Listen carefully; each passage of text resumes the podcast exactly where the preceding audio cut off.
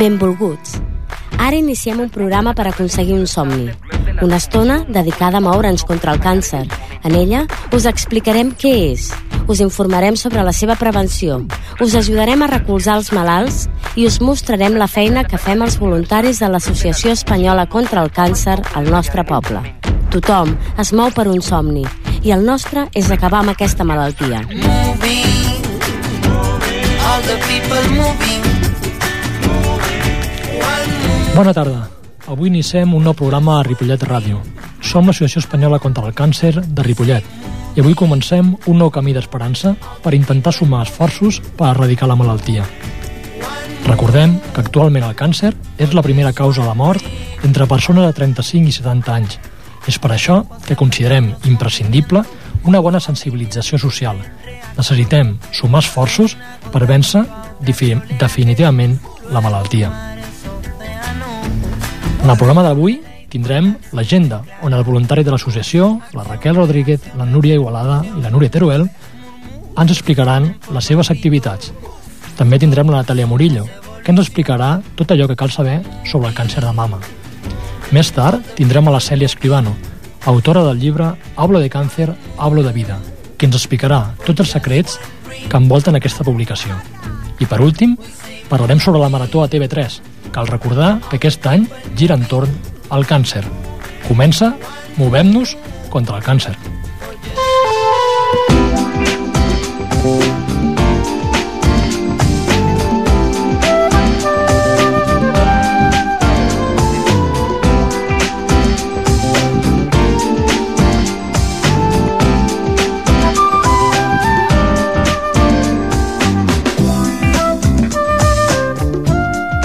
Com hem dit, comencem amb l'agenda de l'Associació de Ripollet i parla Raquel Rodríguez. Hola, bona tarda, Albert. Doncs sí, com cada any, a Constança les dates del Nadal, TV3 celebra la seva tradicional marató. Enguany la dedicaran a l'ajuda contra el càncer. Per això, des de l'associació, hem cregut important col·laborar amb ells. El mateix dia de la marató, que es celebra el proper dia 16 de desembre, us esperem a la Rambla. Tenim preparat un matí lúdico-esportiu per a tothom que vulgui col·laborar amb nosaltres. No cal que digui que estem molt orgullosos de la participació del nostre poble en els altres programats des de l'associació i que sempre hem gaudit d'una bona participació. Us esperem a tots. Des d'aquí volem agrair la col·laboració a les entitats que fan possible aquest matí solidari. El tenis taula Ripollet, el bàsquet Sant Gabriel de Ripollet i els amics del teatre, que desinteressadament s'uneixen a la nostra lluita. Núria, ens podries explicar una miqueta en com consistirà aquest matí solidari? Doncs sí, mira, les, les entitats que has anomenat tu han preparat activitats per a grans i petits. La veritat és que des del primer moment tots van acceptar i per nosaltres ha sigut molt positiu, perquè com ja sabeu eh, és la primera vegada que organitzem un, una activitat així. Eh, participar a cada una de les acti diferents activitats només costarà un euro. Pots escollir participar a una, dues o a les tres activitats i ho pots fer tantes vegades com, com vulguis. El tennis taula portarà el seu robot i tothom podrà competir contra ell. El bàsquet Sant Graviel ens prepararà diferents jocs relacionats amb aquest esport, evidentment. I Amics del Teatre es dedicarà a maquillar tant a grans com a petits.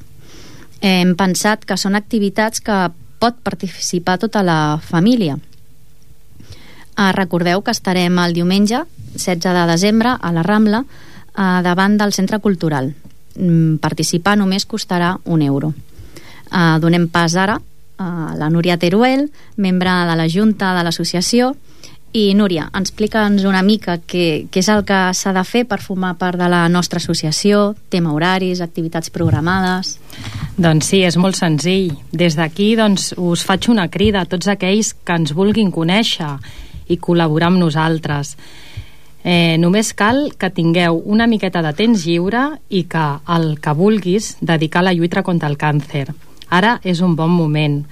Dins de l'associació necessitem la vostra col·laboració com a voluntaris.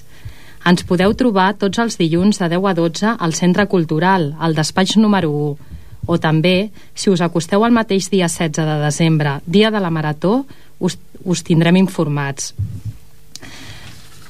Ara us explicaré una mica les nostres activitats previstes per al proper any. eh, comencem amb la marató de TV3, que serà el dia 16, com us ha explicat la Núria i la Raquel. Després el Festival contra el Càncer, que serà el diumenge 3 de febrer, al Teatre Auditori. Farem un festival de dansa.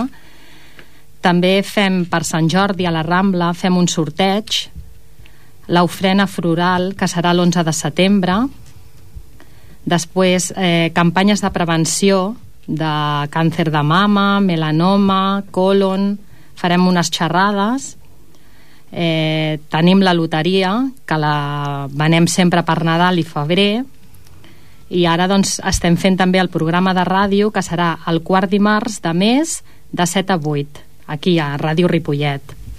Tenim unes guardioles permanents a botigues del municipi eh, després la revista de Ripollet i el butlletí articles de captació, entrevistes, notícies i la recapta anual que sempre es fa el mes de maig a la Rambla que es fa sempre un diumenge i al mercat el dimecres.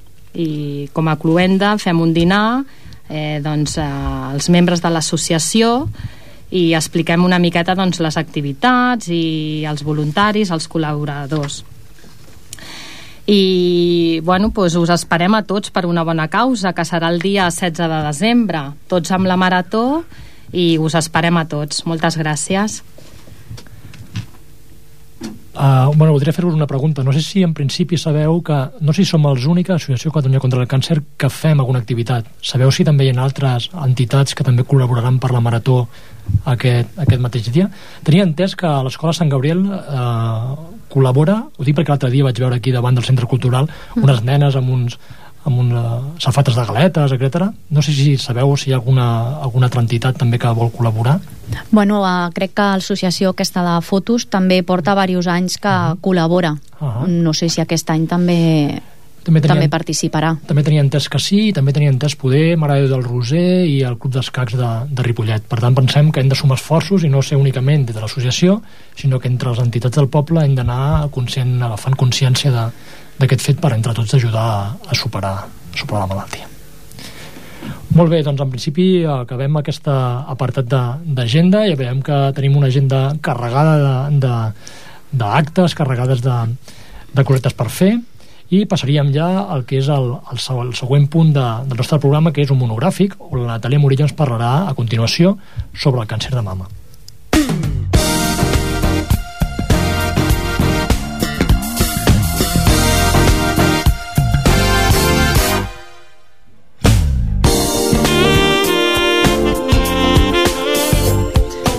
Ara parlaré sobre tot el que cal saber sobre el càncer de mama.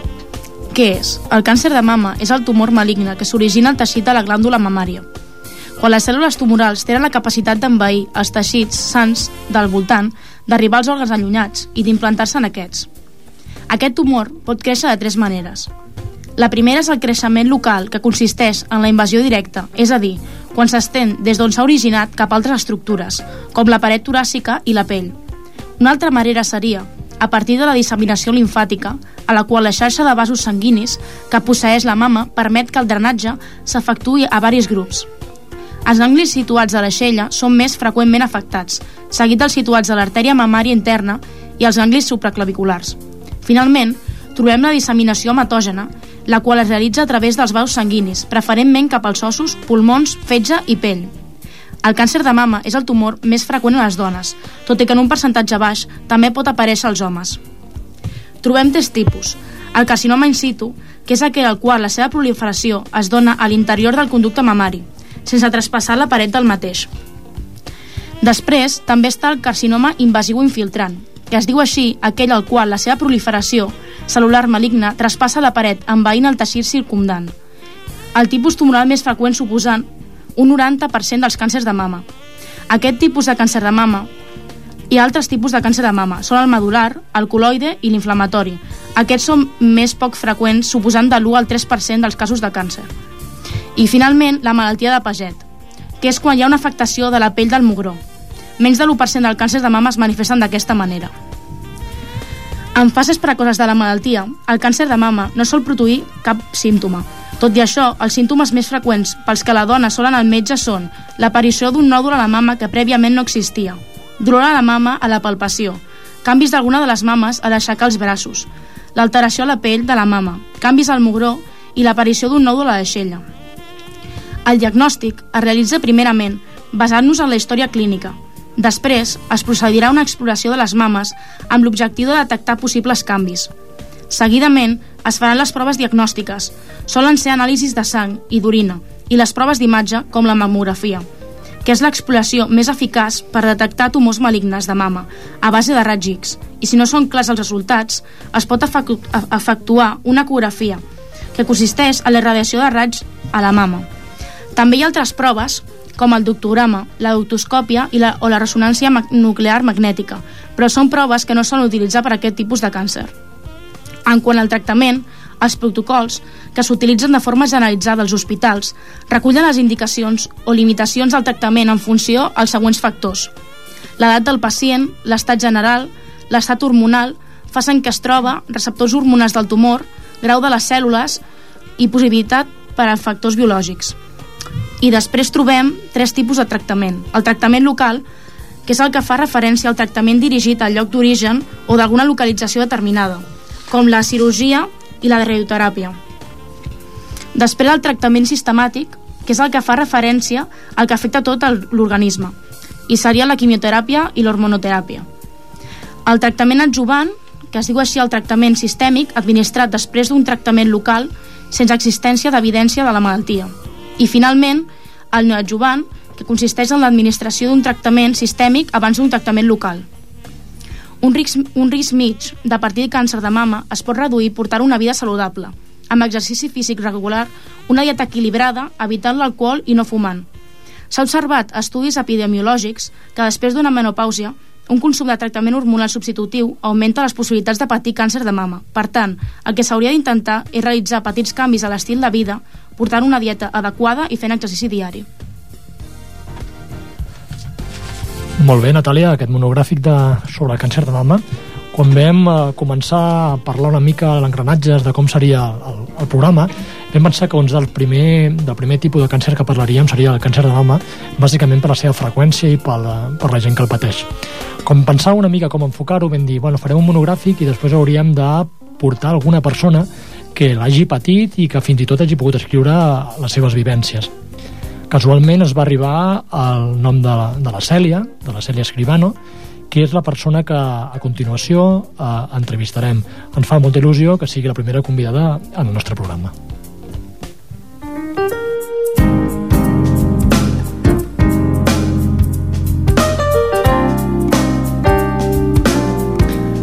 Bé, avui ens acompanya la Cèlia, eh, que va néixer el dia 24 de desembre del 69 a Barcelona i que des de l'any 2001 viu a Gavà.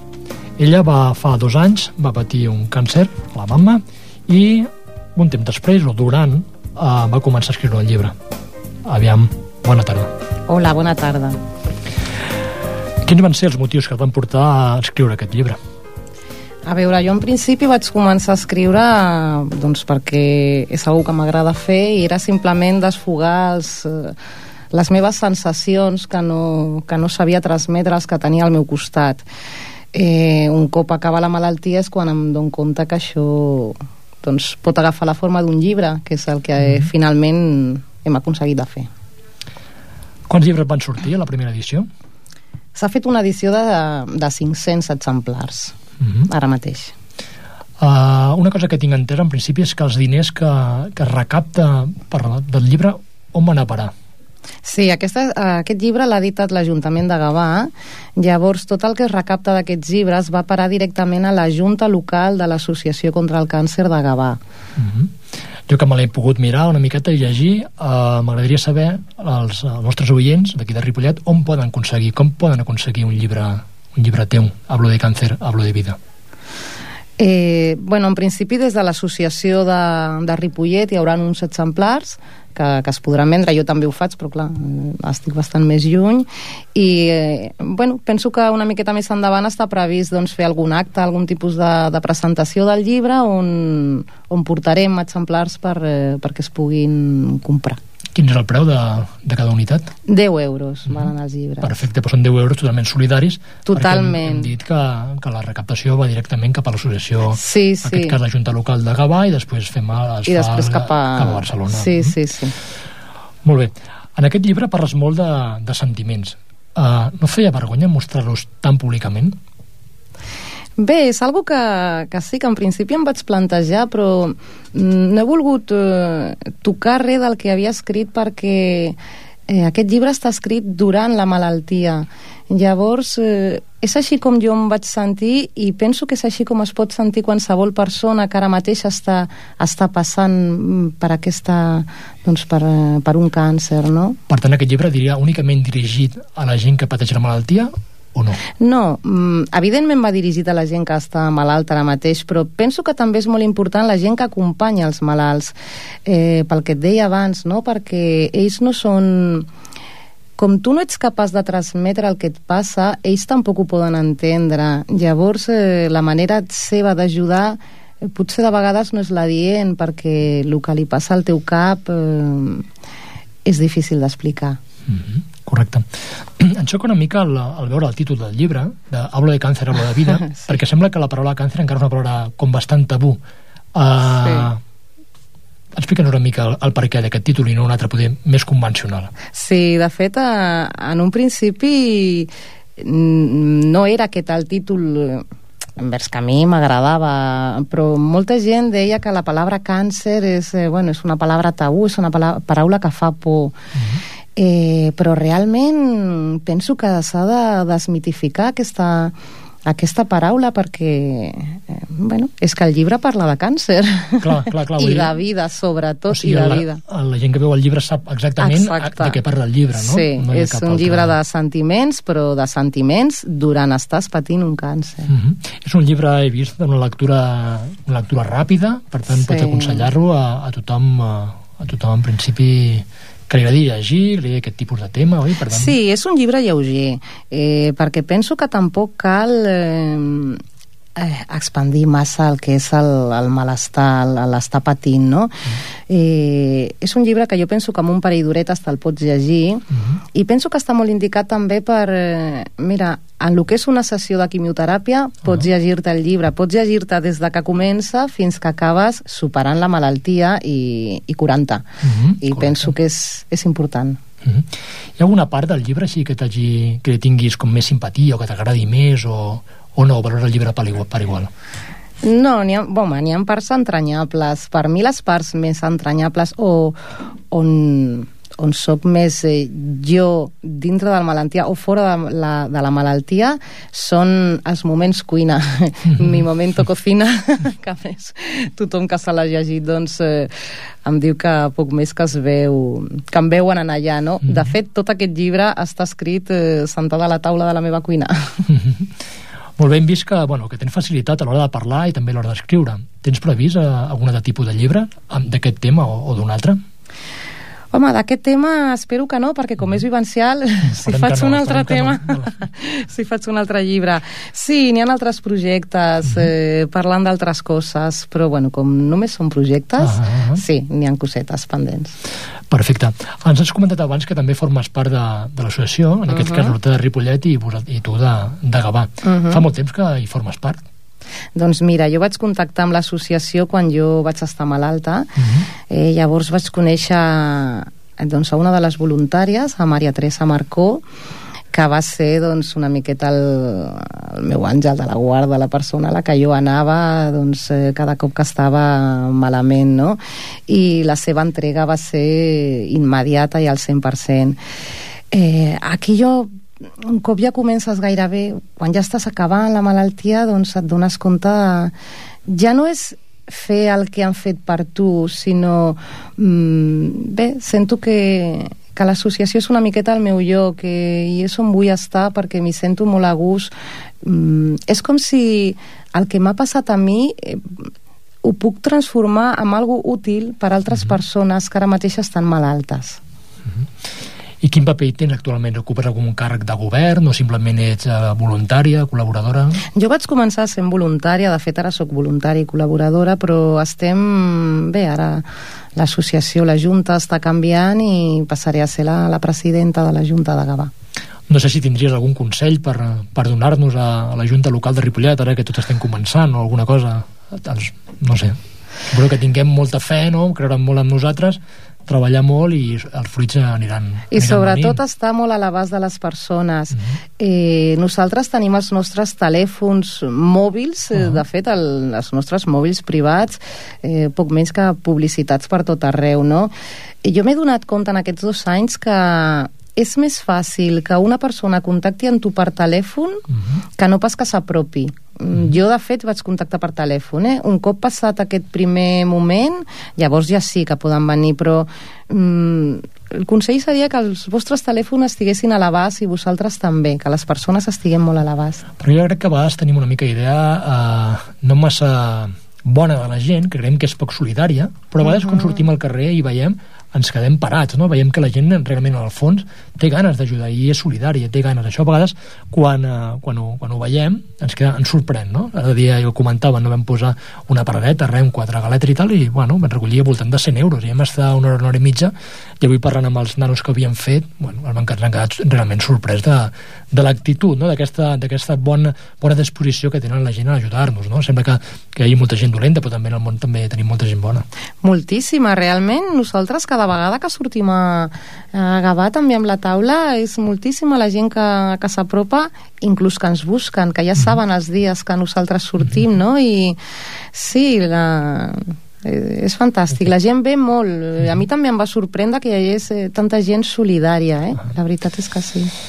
Molt bé, em comenten des d'aquí la, la ràdio que en principi l'entrevista la vaig portar jo, però si algú vol eh, participar en directe també pot fer-ho a través del telèfon 93 594 2164. Eh? Repeteixo, 93 594 2164. Bé, seguim una mica amb l'entrevista. Uh, Cèlia, per una persona com tu que ha superat uh, el càncer, podries dir-nos com aquesta malaltia pot canviar la vida? I tant que et pot canviar la vida. La realitat és que eh, és una pena, però jo vaig aprendre a valorar mm, petites, eh, petits detalls que la vida se'ns passa, se'ns passen per alt, no? Mhm. I, I ho valores quan, doncs quan no pots fer-ho, sembla un tòpic, però és veritat, o sigui, tot el temps de la quimioteràpia que jo, doncs, eh, les últimes sobretot, que ja no te trobes bé, que ja estàs... És quan et dones compte la importància de, doncs de compartir un bon cafè amb un amic, de, de poder sortir a fer una volta, de gaudir de, dels teus fills, de, de la teva feina, de, de tot, tot allò que no estàs podent fer. En el llibre parlo eh, d'un moment que ningú es dona compte, però de la importància que és, doncs, jo portava una perruca, no? Llavors, mm, fer-te una dutxa mm, caient l'aigua des del cap. Mira la tonteria. O sigui, jo em vaig passar molt de temps sense poder dutxar-me eh, que l'aigua em caigués perquè com portava una caparruca.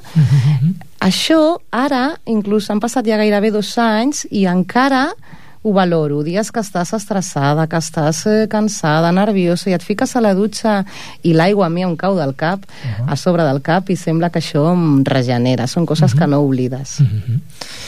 Molt bé. Uh, què podries dir a aquelles persones que actualment uh, estan lluitant contra la malaltia? Quin consells els hi podries dir?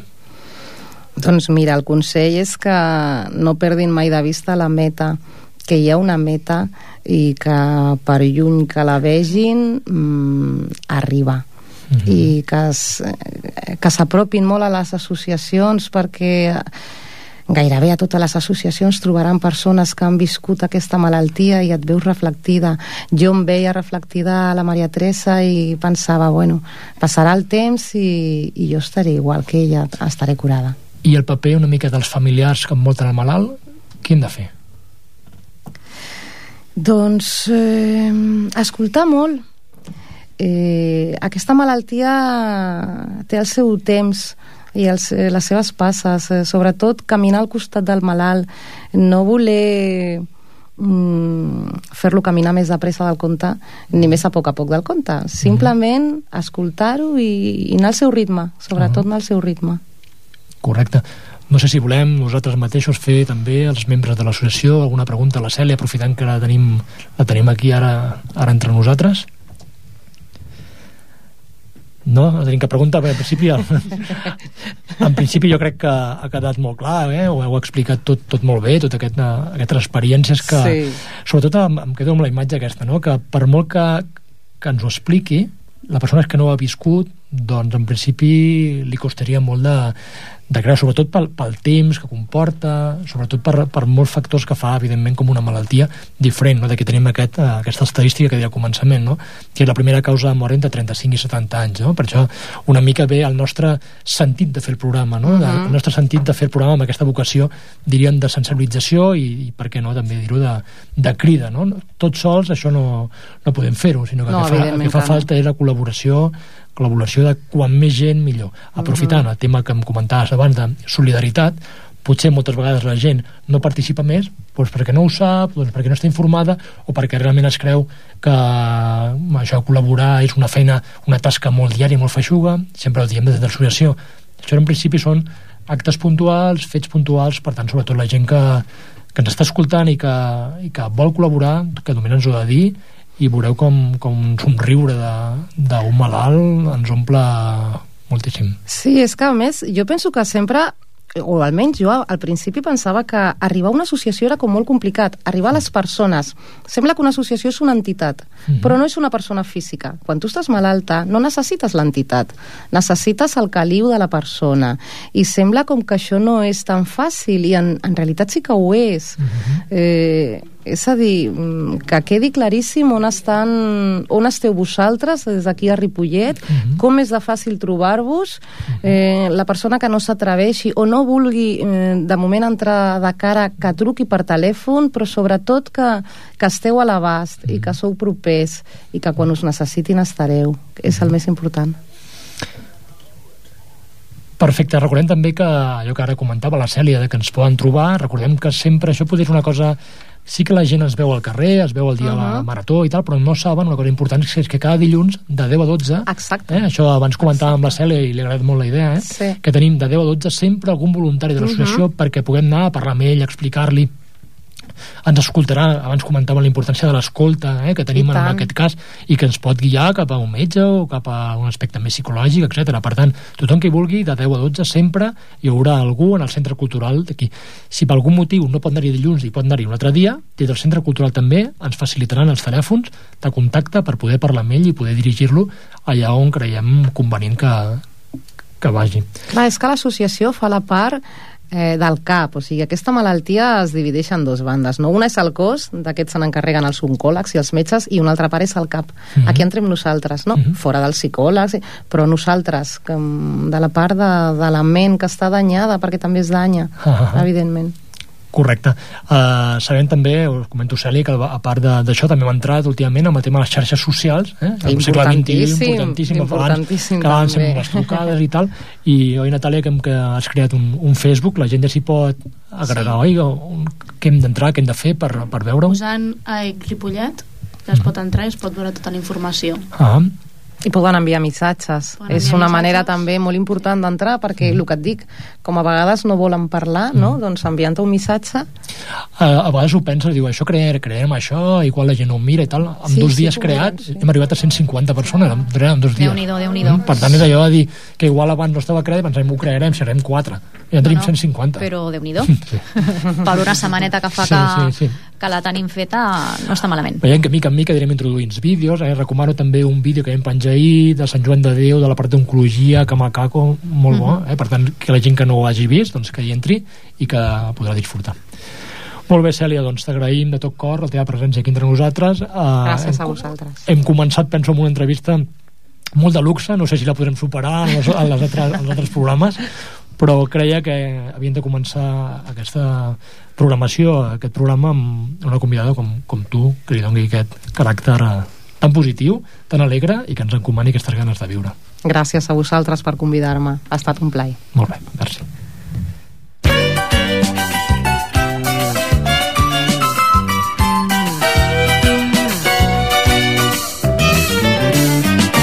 Hoy puede ser un gran día, plantéatelo así. Aprovechar lo que pase de largo depende en parte de ti. Dale el día libre a la experiencia para comenzar y recíbelo como si fuera fiesta de guardar. No consientas que se esfume, asómate y consume la vida granel. Hoy puede ser un gran día, duro con él.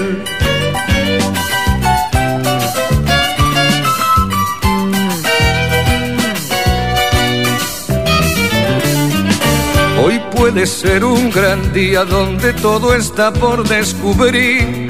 Si lo empleas como el último que te toca vivir. Saca de paseo a tus instintos y ventílalos al sol. Y no dosifiques los placeres si puedes derrocharlos. Si la rutina te aplasta, dile que ya basta de mediocridad. Hoy puede ser un gran día, date una oportunidad.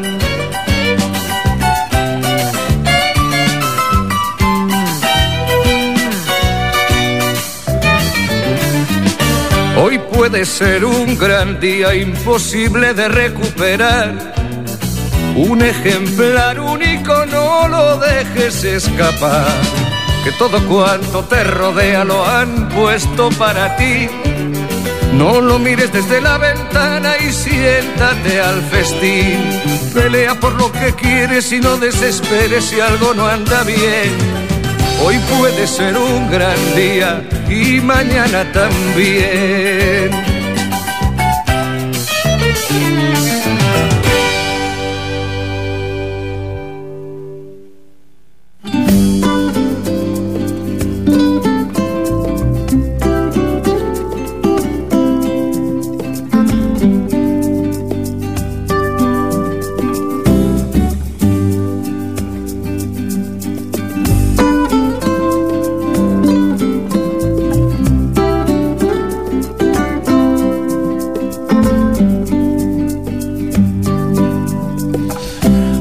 Seguim amb el programa.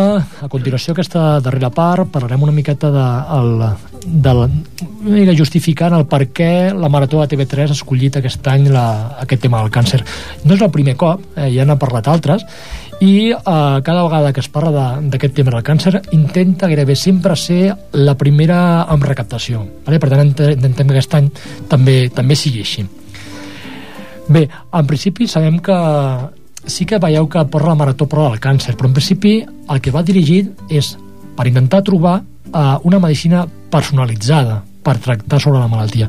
Què vol dir medicina personalitzada? Doncs vol dir que en principi aquella medicina que per un malalt del mateix tumor li va bé, doncs altres no. Per què? Perquè hem d'anar a tendir a lo que és eh, trobar quin tipus de cèl·lules són les que creen aquest tumor. Més endavant, segurament, ja no es parlarà de càncer de fetge, de ronyó i tal, sinó que es parlarà una mica el tipus de càncer depenent del tumor de les cèl·lules que formen aquest tumor. Mm. Per tant, eh, per què es fa la marató del càncer? Doncs per intentar investigar, per trobar teràpies a la carta. És a dir, per aquest malalt, això, per aquest malalt, això o altre. Per tant, que convé? Conté fer estudis a nivell, eh, a nivell de, de genoma, estudi a la carta, és a dir, una cosa personalitzada. És per aquí que la marató necessita diners. Els metges els tenim, però ara falta poder tenir recursos i més amb el temps una mica que recorren, eh, retallades, etc. que també recordem que fins i tot el càncer també arriba a les retallades. Per tant, és la població civil la que ha d'ajudar una mica a tirar endavant a tirar endavant tot, el, tot aquest, aquest tema. Uh, anys, sí, perquè de fet anys enrere eh, clar, les quimioteràpies han canviat penso que és importantíssim això mm -hmm. no té res a veure la, la medicació que, doncs, que m'han donat a mi fa dos anys que li han pogut donar a una persona fa 10 o la que li donaran a una persona dintre d'un any mm -hmm. evidentment és eh, més lleugera dintre de, de lo que és una quimioteràpia no? però aquests avanços eh, ja s'estan fent i, i evidentment anirà millorant. Mm -hmm. Perquè recordem que, que el càncer és una malaltia, evidentment, que ens pot passar a tots. És una mm -hmm. malaltia recordem ja com abans parlàvem amb la Cèlia una mica com un tabú que deien que sí, el càncer hereditari recordem que només hi ha un 10% que siguin hereditari els altres 90% uh -huh. no ho són eh? alguns que es poden evitar més doncs sí, podem dir el melanoma, evidentment no podem estar molta estona al sol sí, el de pulmó, eh? no abusem del tabac, el de fetge, no abusem de l'alcohol, però hi ha altres que ens, ens venen, eh? perquè ens venen per un desgast del teixit o per moltes causes que fins i tot els metges no saben, no? Pensem en, en tractaments oncològics amb, amb infants, no? Aquí no hi ha cap, cap justificació, oi? Bé, per tant, a més coneixement, més curació. I què cal per tenir més coneixement? Doncs hi ha la part econòmica, que és la marató, on recaptarà aquests diners per intentar fer-ho. Aquest any pensem que la marató serà un èxit. Penseu que la marató necessita actualment eh, aproximadament 2.000 2.500 voluntaris 2.500 voluntaris per treballar durant el que dura el programa. El programa durarà 15 hores 15 hores i fa falta 2.500 voluntaris. Doncs bé, a l'obrir les llistes de voluntariat, 24 hores, 2.200 voluntaris. És veritat, amb això. 2.200 voluntaris Mhm. en 24 hores. Per tant, no queda cap plaça ni Fira de Barcelona, Auditori de Girona, Universitat de Lleida, Port de Tarragona, tot ple. Val? Per tant, això ens dona... Podem pensar que podem superar el rècord de recaptació que el tenen justament l'any passat amb el tema de l'ictus, però aquest any per què no podem superar-ho? Ho tenim complicat amb el tema de la crisi, però pensem que el tema del voluntariat, si tothom donés un euro, imagineu, tindríem 100 milions d'euros ja a Catalunya. Aquí queda clar una miqueta la implicació Mhm, de les sí. persones que parlàvem abans, Sí, no? Que sí, sí. en 24 hores és veritat perquè n'hi bueno, s'han cobert tots els torns de seguida. de seguida. Mm -hmm.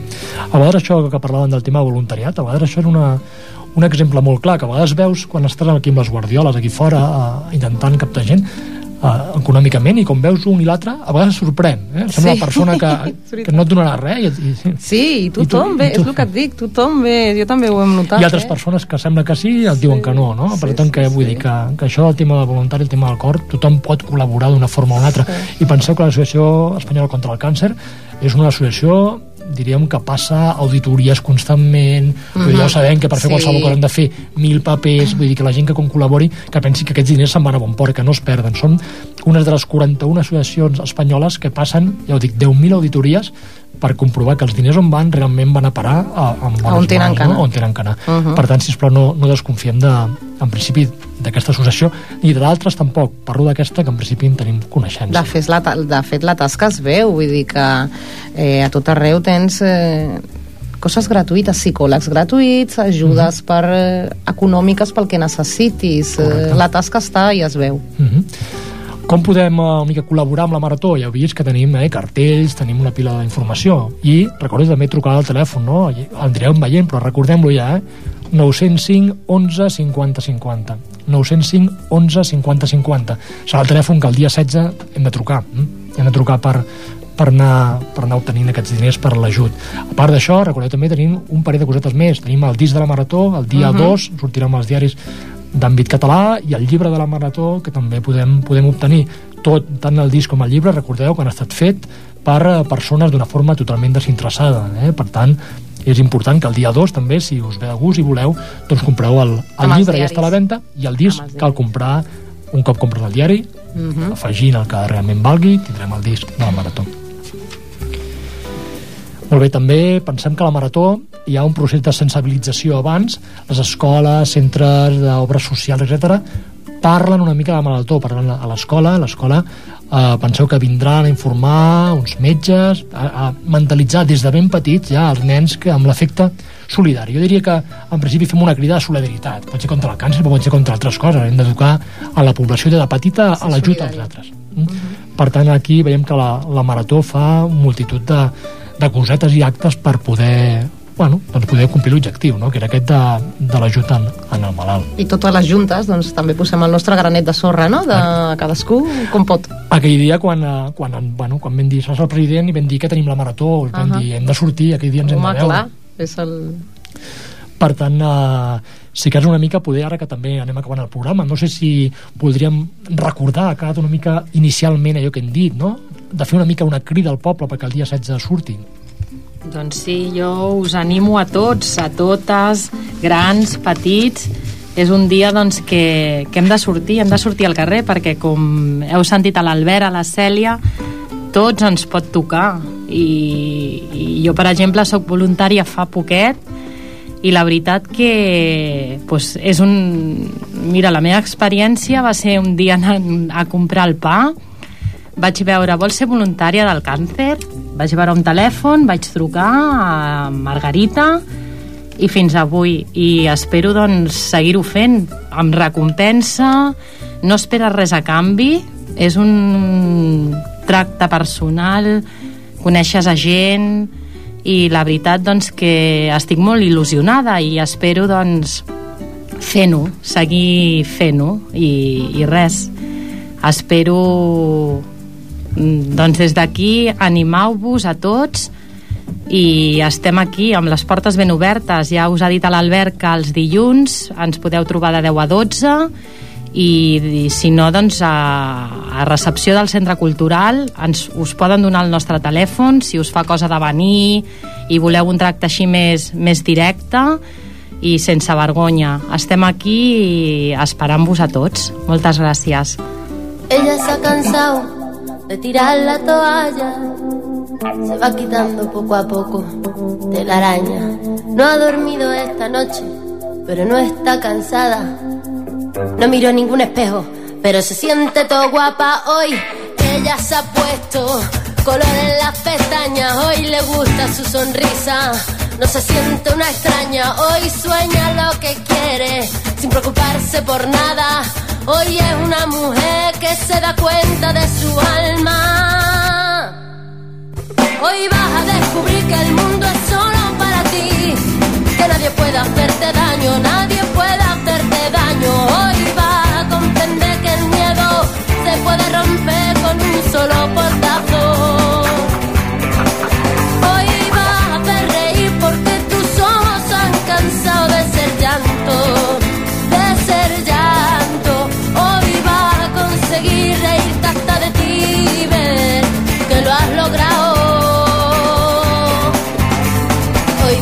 la mujer que te dé la gana de ser. Hoy te vas a querer como nadie te ha sabido querer. Hoy vas a mirar para adelante, que para atrás ya te dolió bastante. Una mujer valiente, una mujer sonriente, mira cómo pasa. Hoy nació la mujer perfecta que esperaban a rotos sin pudores. Las reglas marcadas, hoy ha calzado tacones para hacer sonar sus pasos. Hoy sabe que su vida nunca más será un fracaso. Hoy vas a descubrir que el mundo es solo para ti, que nadie puede hacerte daño, nadie puede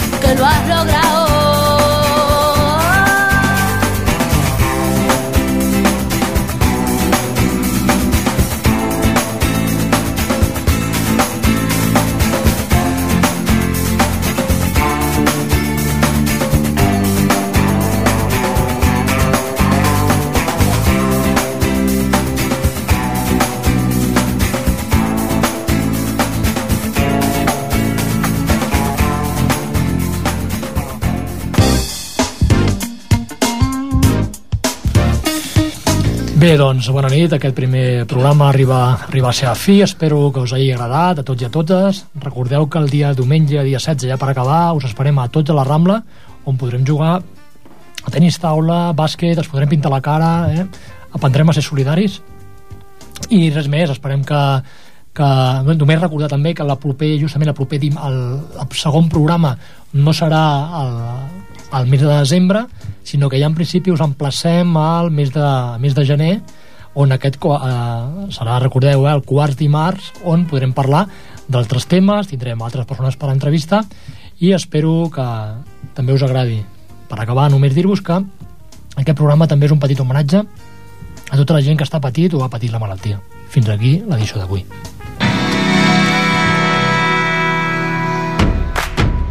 La, ley universal de, de, la locomoción no puede, no puede fallar en este momento.